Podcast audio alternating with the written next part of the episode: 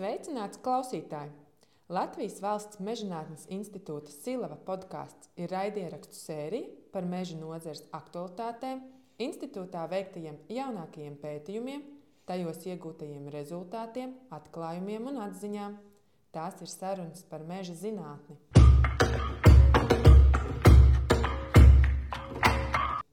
Es esmu Laura Čēniņa. Turpmāk, raidierakstu sērijās mēs ar Kasparu Liepiņu izjautāsim kolēģus Latvijas Valsts Mežģinātnes institūta Silavas pētniekus par dažādiem institūtā veiktajiem pētījumiem. Šajā raidierakstu sērijā mēs vēlētos ar sevi iepazīstināt.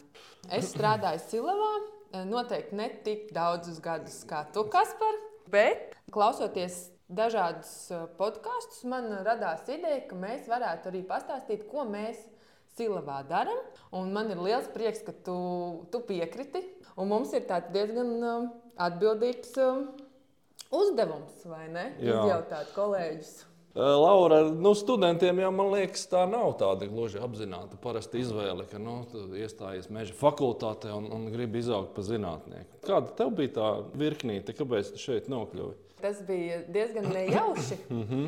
jo, jo tad, kad es maģistrantūras laikā aizbraucu apmaiņas programmā uz Somiju, studēt pusgadu, un tad pēc tam atbraucu atpakaļ uz uh, Latviju.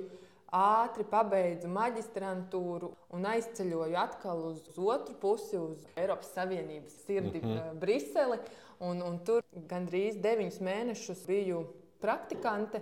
Tad, kad es atbraucu atpakaļ, institūtā meklēju cilvēkus, kas māca runāt un rakstīt angļu valodā, un to es biju apguvusi, apguvusi mm -hmm. Briseles laikā. Un tad nāca tas piedāvājums, ka vajag institūtā cilvēku, kas var uzrakstīt publikāciju.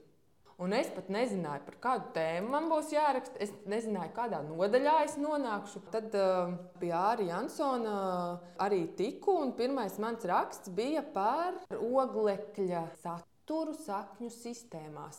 Un tas bija mans pirmais rakstīns. Un tā es nonācu Silavā. Pilnīgi nedomāju, ka man ceļā atvedīs te.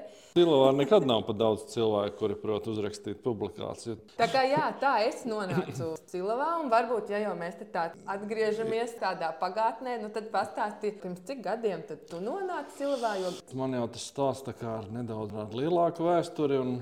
Tā vēsture ir tāda, protams, nejaušība pilna. Tas bija tas laiks, kad es pabeidzu meža fakultāti 97. gadā, un tad bija tā lielā izšķiršanās. Tas bija toreiz, kad diezgan bija jāpapūlās, lai dabūtu darbu. Nu, par cik tā dilemma bija tajā brīdī, tad es iestājos maģistrā, arī kaut kā nejauši. Un, un, un tad kaut kā ar, ar savu viena kursa biedra palīdzību es sāku lēnām strādāt maģistrā jau Silavā. Nu, tad tas viss aizgāja, pabeidzu maģistrātu. Un tad jau gluži loģiski pēc tam jau doktorantūra nāk, un, un šeit es joprojām atrodos. Un kāda ir tā tava tā teikt, tēma, ko tu specializējies un ko tu pēti? Droši vien nozarē vairāk cilvēki mani zina tieši ar pētījumiem par bērnu dažādos aspektos. Es sāku strādāt, Imants Baumanis bija direktors, pieņēma mani man darbā. Gluži loģiski, es sāku strādāt selekcijas virzienā.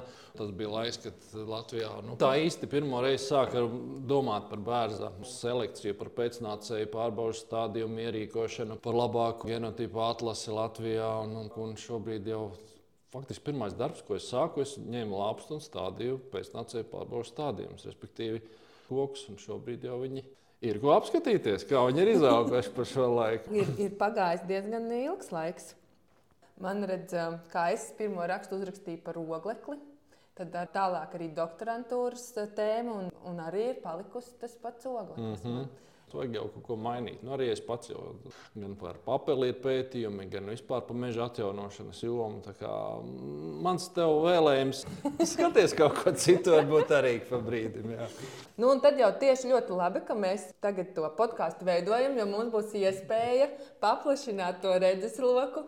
Būs, es domāju, interesanti gan tiem, kas kaut ko ir dzirdējuši par mežu un meža saimniecību Visdrīzāk arī būs ļoti daudz jaunu, gan jau arī svešu vārdu. Tiem, kas Pilnīgi noteikti. Jā. Nu, es domāju, ka mēs tā arī turpināsim. Tiešām, kā tu teici, veidosim to raidījumu tā, lai cilvēkiem, kuriem ir interese par dabu, par mežu, lai viņi sev atrastu kaut ko interesantu. Un varbūt arī tie, kuri jau ir nozarē strādājuši un, un kuriem ir pamatīgākas zināšanas, lai viņiem tas arī būtu interesanti un galu galā mācīsimies mēs paši arī kaut ko. Aicināsim mūsu kolēģus, un tad jau klausīsimies. Uz tikšanos! Uz tikšanos!